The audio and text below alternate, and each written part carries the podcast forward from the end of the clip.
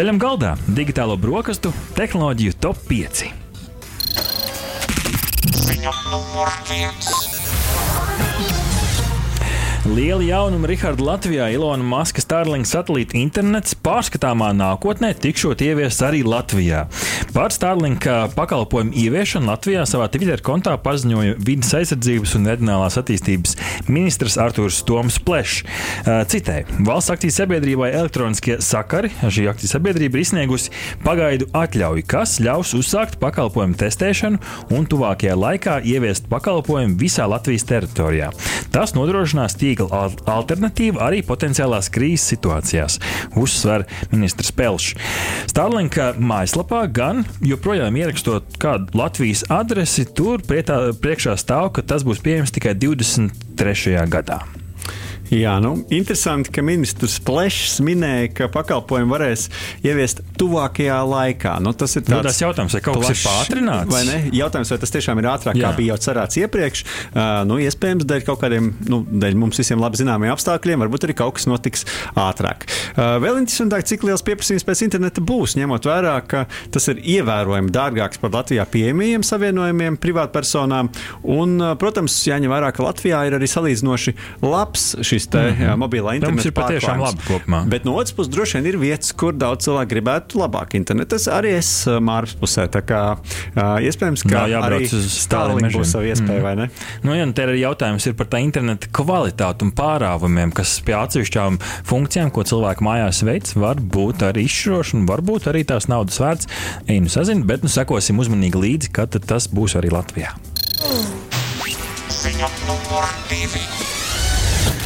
Nu, šeit eh, mums tehnoloģija ziņa top eh, divniekā vesels divas ziņas patiesībā no viena cilvēka puses, no Ilona Maska. Pirmā vietā par Starlinku, eh, šeit par Tesla. Jo Richard ir notikusi liela ballīte Vācijā, Berlīnē, Gigafactory ir atvērta. Tas nozīmē, ka arī Eiropā turpmāk ražos Tesla automašīnas 5 miljārdu eiro vērta rūpnīca. Aizkavējās par astoņiem mēnešiem, bet beidzot rūpnīca ir atvērta un šobrīd nu, tā vēl ir tiek komplektēta būvēta 3000 no 12,000 lielas rūpnīcas. Tātad milzīga rūpnīca, 12,000 cilvēku tur strādās, un pirmās 30 elektriskās Model Y automašīnas no rūpnīcas izripos jau nākamajā nedēļā. Nu, rūpnīcas atvēršana ir tāds patiešām būtisks pavērsiens Eiropas elektroauto tirgu, jo šī rūpnīca pilnā kapacitātē gada laikā saražos 500 tūkstošus elektroautomašīnu, kas nu, tādam salīdzinājumam ir par 450 tūkstošiem vairāk nekā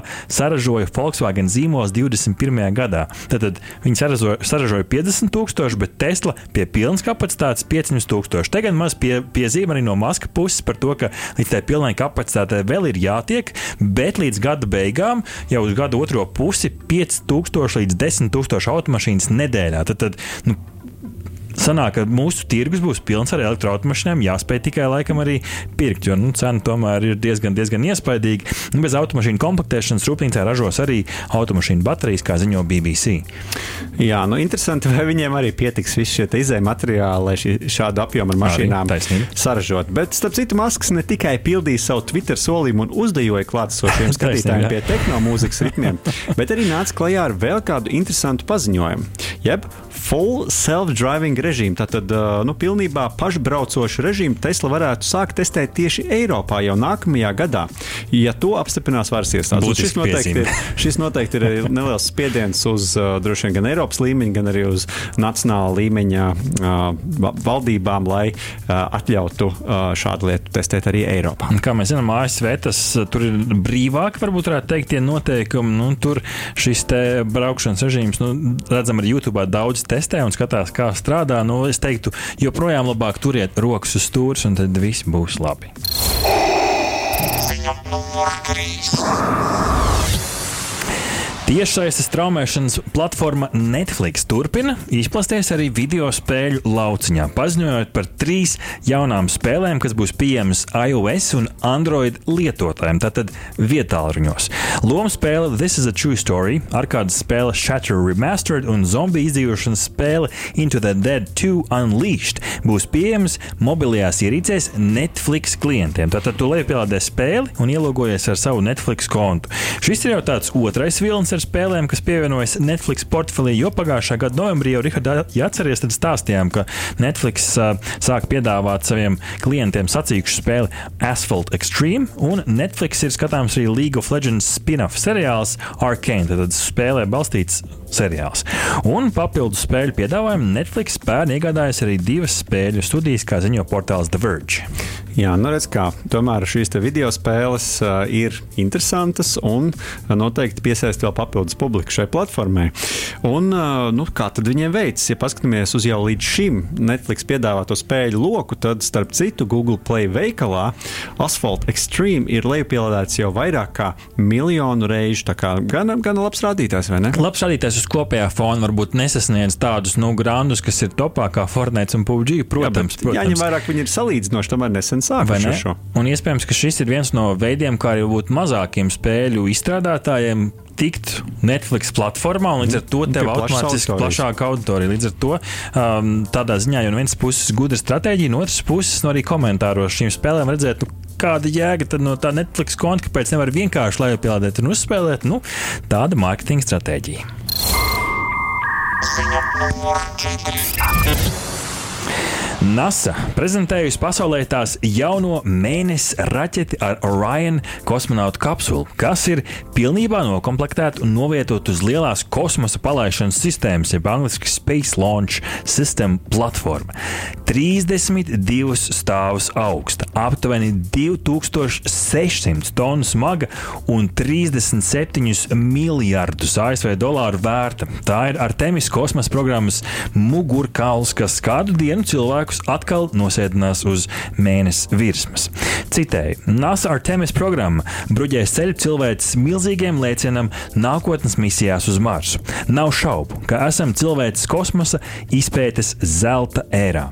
Tā uzsver Bills Nelsons, NASA administrācijas vadītājs. Šī būs pirmā misija, kura uz mēnesi virsmas plāno nosēdināt sievieti un personu, kas nav balts ādas krāsas. Raķetes nokomplektēšana ir būtisks eh, punkts misijas plānā. Priekšā vēl esot nopietniem palaišanas testiem, pēc kuriem varētu būt skaidrāks pats misijas datums. Jā, nu noteikti ļoti gaidām šo uh, notikumu, un, protams, ja ir iztērēta tik liela nauda, tad arī šāda raķetes parādīšanās ir, var teikt, vesels šovs vai izrāde. Tiešām liela, masīva raķete uz milzīgas platformas. Mēs runājam nevis ne? vienkārši par platformu, bet nu, par tādu patiesībā lielu mašinēriju, kas ar tādām ķēdēm, kā tāds tanks izbrauc ārā. Iedomājieties, 32 stāv praktiski dzīvojama ēka, izbrauc no garāžas, pelpot svaigu gaisu. Es pat teiktu, ka tas ir gandrīz jau debesu krāps, ņemot vērā, ka mums uh, purcēmā ir 9 stāvu mājas, vai ne šeit ir 32 stāvi. Nu jā, Arts jau minēja, ka vēl priekšā nopietni tests, starp citu, vienu no tiem sauc par slapjo ģenerālu mēģinājumu, kad Artemis viens uh, palaišanas komanda veiks testa darbības, lai ielādētu degvielu raķetes tvertnēs, veiktu pilnu palaišanas atskaites mēģinājumu un veiktu arī citas palaišanai būtiskas, būtiskus testus. Un pēc šī testa raķete atkal ieved atpakaļ angārā turpmākiem testiem. Un, nu, mēs tiešām ļoti gaidām šo datumu, kad tad varētu šī Artemis misija startēt uz mēnesi. Es vienīgi nesapratu no tā apraksta, kāpēc slapjais. Nu, tā kā tie kosmonauti paliek slapji no nu, bailēm, ka pirmo reizi sēž šajā kapsulā, vai arī viņi tur ūdeni lej un dzēsē, bet nu, laikam jau dēļ tās degvielas uzpildīšanas un izliešanas. Varbūt, jā, katrā ziņā tas, ko es zinu, ka palaižot šādas raķetes tieši kā NASA parasti to dara, tiešām ir milzīga ūdens strūka, kas tiek laist no apakšas vienlaicīgi ar raķetes pacelšanos.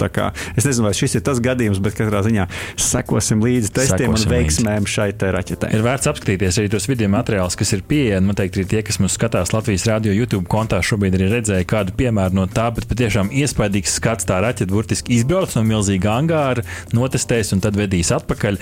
Nu, un pēc tam, Rihard, kādu dienu mēs varēsim teikt, jā, tajā dienā, kad lidoja uz mēnesi, mēs bijām, nu, piemēram, Latvijas radio studijā. Ziņa numur 5. Twitter lietotāji ar iPhone vietāluņiem turpmāk varēs publicēt pašu uzņemtus GIF video vai GIF. Izmantojot iPhone fotokameru, lietotājs varēs uzfilmēt īsu pāris sekundžu video, kas pirms publicēšanas tiek pārkonvertēts GIF, GIF failā. Lietotājiem tiek dot izvēle vai nu uzfilmēt to kadru spēlēt nebeidzamā cilpā, kā Instagram bumerang lietotnē, vai arī atspēlēt no sākuma.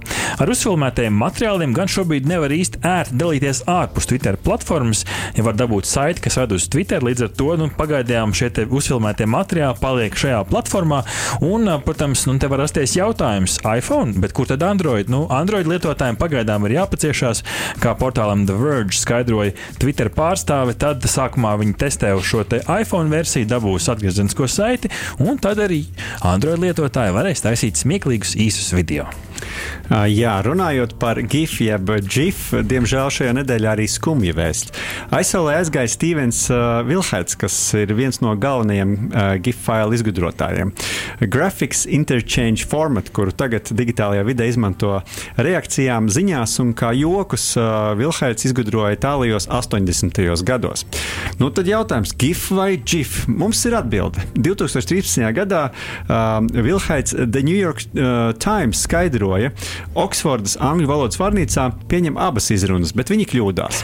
Tas ir Maiks G. Burts. Izrunājums kā GIF. Stāsta beigas. Tagad viss zināsim. Vilhaits ir runājis. Tad GIF. Kaut kā nedabiski, ne? Nu, laikam jau tāpēc, ka mēs latviešu lasām, nu, kā latviešu gāburts, tad gif, bet, nu, jā, tas maigais, maigais gā, kas laikam mums sanāk dž, ņem dž, un tad, tad, turpmāk, turpmāk gif, un tad jau, tad jau ir grapefruits, un, un, un, un kas, kas vēl labi angliski žirafi ir žirafi, nu, katrā ziņā salauz man pasauli, tad turpmāk mēs šos sauksim par, par gifiem. Uh, nu, es teiktu, tādu vēl, vien, vēl viens veids, kā, kā Twitter, Twitter papildina savu arsenālu, kļūstot vairāk ar vizuālo materiālu uh, pildījumu. Jā, nu, godinot Vilhētu, noteikti katrs varam trenēt savu mīksto gāzi. Aha! Paldies, ka noklausījāties mūsu līdz galam! Ja patika, uzspiediet laiku, atstājiet komentāru vai padalieties ar draugiem. Un nobaudiet arī citas epizodes, kā arī sekot mums, lai nepalaistu garām savu ikdienas tehnoloģiju ziņu devumu.